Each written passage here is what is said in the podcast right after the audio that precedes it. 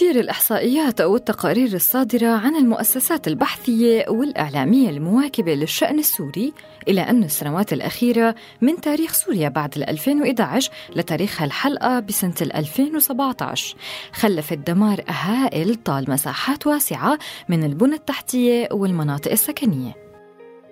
البنية التحتية بسوريا يلي هي هشة من الأساس سواء الطرق أو شبكات الاتصالات والمطارات وخاصة بقطاع واسع من الأرياف زاد مستوى سوقها بسبب القصف والدمار يلي خلفته الحرب بسوريا ويلي امتد على معظم مساحة البلاد. وهالشي طال البشر والحجر من آثار سوريا وتاريخها لتهجير سكان البلاد إما داخليا أو خارجيا أو قتلهم لإلحاق الأضرار بسد الفرات. مرحبا وأهلا وسهلا فيكم مستمعينا بحلقة جديدة من برنامج أخذ وعطا. معي أنا رنيم داغستاني على راديو سوريالي. رح نحكي بحلقتنا لليوم عن أثر تدمير البنى التحتية لسوريا والأضرار يلي صابت سد الفرات والتأثير في حال انهياره من الناحية الاجتماعية والزراعية وعن تجارب دول تانية خسرت البنى التحتية تبعها وكيف تعافت. خليكن معنا. أخذ وعطا.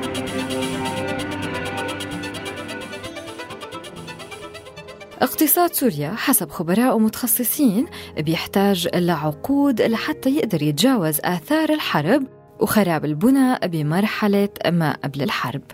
قصف النظام وحلفائه للمدن والأحياء بشتى أنواع الأسلحة لجانب المعارك العنيفة وحالات الرد بالهاون أحيانا من الفصائل المسلحة. خلى مساحات كبيرة من سوريا مناطق منكوبة ومهجورة بالكامل. وبتشير بعض الدراسات إلا أنه 90% من المنازل بالغوطة الشرقية بريف دمشق إما مدمرة بالكامل أو غير صالحة للسكن وغير العشرات من المدن والمناطق السورية وما تركت العمليات العسكرية قطاع من القطاعات من دون دمار وتخريب من شبكات الكهرباء، الاتصالات، المياه، شبكات الصرف الصحي والمدارس وغيرها. وبتهدف عمليات قصف وتدمير البنى التحتية بشكل رئيسي لمعاقبة البيئة الحاضنة لأي حراك شعبي ويلي نتج عنها نزوح السكان من مناطق سيطرة المعارضة لمناطق النظام يلي بتحظى عمليا بأمان نسبي. أشارت الشبكة السورية لحقوق الإنسان بتقرير إلها إلى أن النظام السوري قصف المدارس والجامعات أو المعاهد التعليمية والمستشفيات أو المنشآت الطبية والأسواق وحتى المساجد والحدائق ودور العجزة بشكل ممنهج ومدروس. وبحسب القانون الدولي الإنساني تعد الهجمات العشوائية أو المتعمدة هجمات غير مشروعة بل جرائم حرب. وكشفت دراسة سنة 2013 للجنة الأمم المتحدة الاقتصادية والاجتماعية لغربي آسيا الأسكوا أنه حوالي مليون ونصف المليون منزل تعرض للدمار بسوريا من 315 ألف منزل تعرض للدمار الكامل. و300 ألف منزل تعرض للدمار بشكل جزئي مع دمار البنية التحتية مثل المياه، الكهرباء والصرف الصحي. وبينت الدراسة أنه ما يقارب من 7 مليون شخص تأثروا بهالدمار وأنه 3 مليون شخص اضطروا للنزوح وفقد مليون مواطن ممتلكاتهم بشكل كامل. وصدرت حلب المحافظات يلي تعرضت لدمار المنازل بحيث أنه دمر تقريبا نصف منازلها وتقدر ب 424 ألف منزل مدمر كليا أو جزئيا. وبعدها بيجي ريف دمشق بدمار نص المنازل وقدرت ب 303 آلاف منزل واحتلت حمص بحسب الدراسة المرتبة الثالثة بحوالي 200 ألف منزل مدمر من بعد إدلب بالمرتبة الرابعة بحوالي 156 ألف منزل مدمر ومحافظة درعا بالمرتبة الخامسة بتدمير حوالي 105 آلاف منزل. وبعد دير الزور يلي دمر فيها حوالي 82 ألف منزل حما بالمرتبة السابعة بدمار حوالي 78 ألف منزل. أما بالمرتبة الثامنة محافظة الرقة بدمار 59 ألف منزل بعدين اللاذقية بالترتيب التاسع بدمار 57 ألف منزل. تلتها بالمرتبة العاشرة الحسكة بدمار 56 ألف منزل. دمشق بالترتيب ال11 بدمار نحو 37 ألف منزل. طرطوس بدمار نحو 12 ألف منزل فالسويداء بحوالي 5000 منزل والقنيطرة بالترتيب الرابع عشر والأخير بدمار نحو 900 منزل.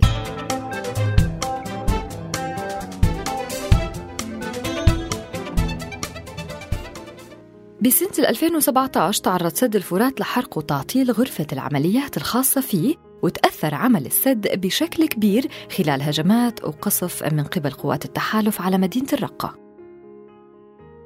سد الفرات أو سد الطبقة على نهر الفرات بيبلغ طوله 4.5 كيلومتر وارتفاع أكثر من 60 متر وتشكلت خلف السد بحيرة كبيرة سميت بحيرة الأسد وبيبلغ طولها 80 كيلومتر ومتوسط عرضها 8 كيلومتر.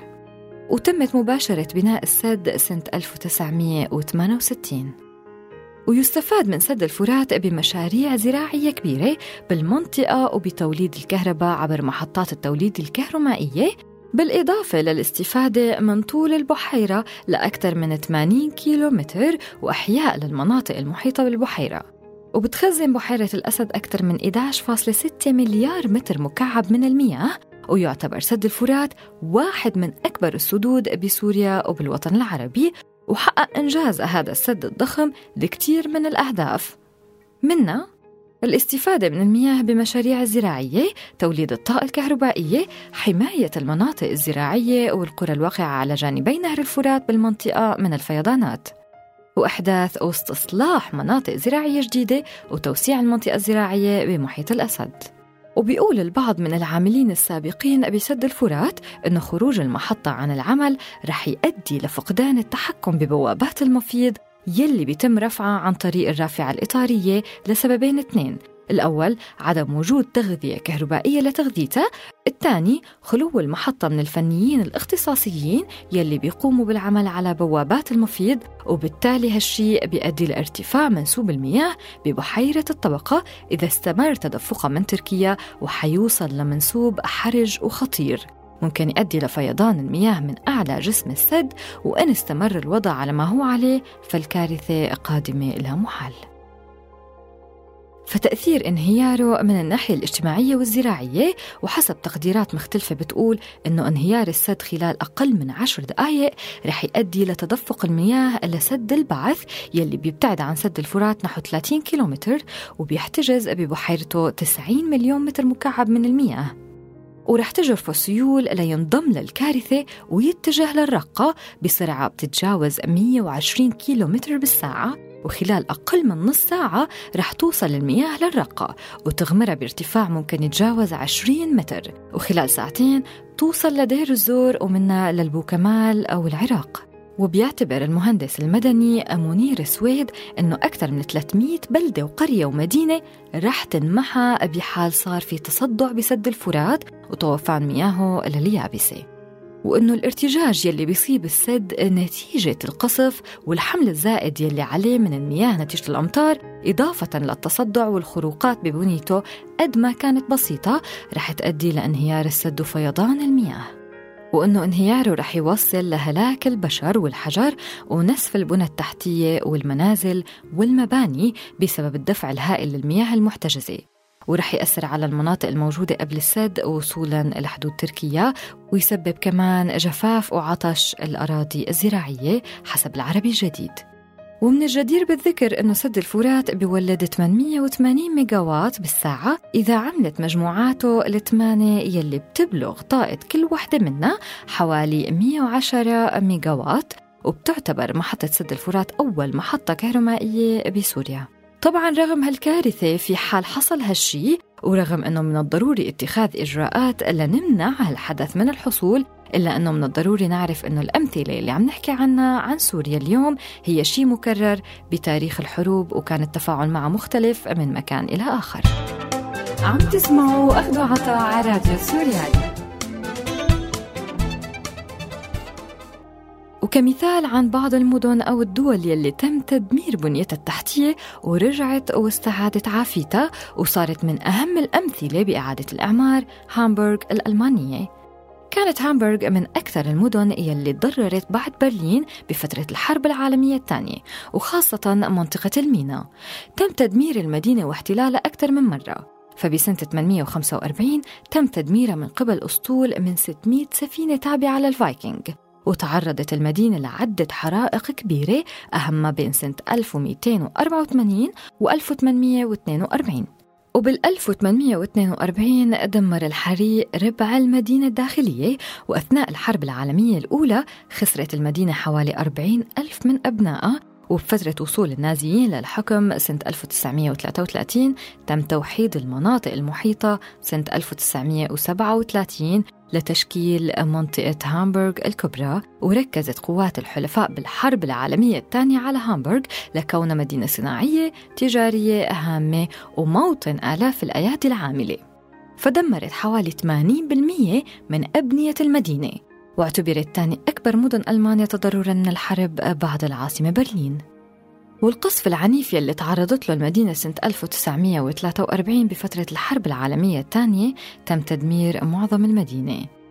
وبدأت عملية إعادة إعمار ألمانيا بمشروع مارشال يلي وضعه الجنرال الأمريكي جورج مارشال لإعادة إعمار أوروبا بعد الحرب العالمية الثانية.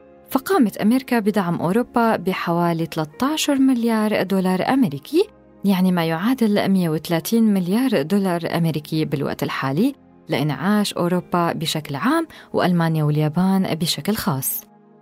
وحسب تسمية صحيفة ذا تايمز الأمريكية للنهضة الألمانية بالمعجزة الاقتصادية الألمانية بسنة 1950 ميلادي.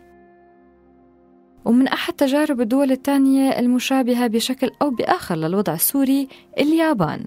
فاليابان رجعت لوراء عدة عقود بعد الحرب العالمية الثانية بحيث أن الحرب دمرت 40% من البنى التحتية لإلها وقدروا خلال فترة من بناء إمبراطوريتهم الصناعية وتكوين أعظم اقتصاد بالعالم بعد الولايات المتحدة الأمريكية.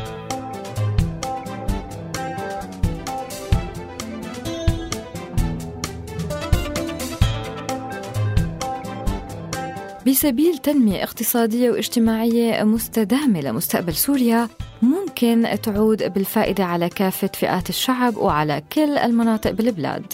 لابد من الاعتماد على مبادئ أساسية بترافق توجه سياسة إعادة البناء يلي مفروض أنها تدخل حيز التنفيذ. والهدف الرئيسي لإعادة البناء هو تصحيح كل أشكال الخلل يلي صاب بنية اقتصاد سوريا بفترة الحرب.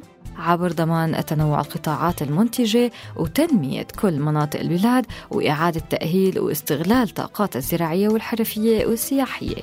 ولابد لعملية إعادة البناء من أنه تشكل ركيزة تنبثق منها عملية تنموية تضمن نسبة نمو مرتفعة ومتواصلة للاقتصاد من خلال تعبئة الموارد البشرية واستغلال منابع المياه والقدرات الزراعية والغذائية واستغلال الطاقات السورية بمجال الإنتاج وتصدير الخدمات ذات القيمة المضافة العالية يلي بيتميز فيها تطور الاقتصاد العالمي.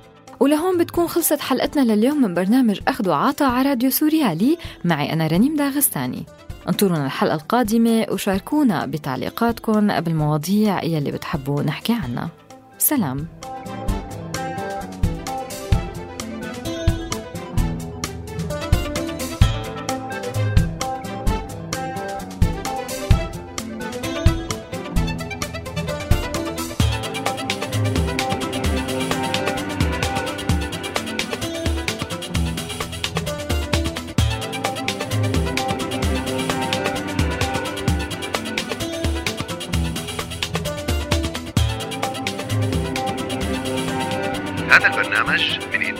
هذا البرنامج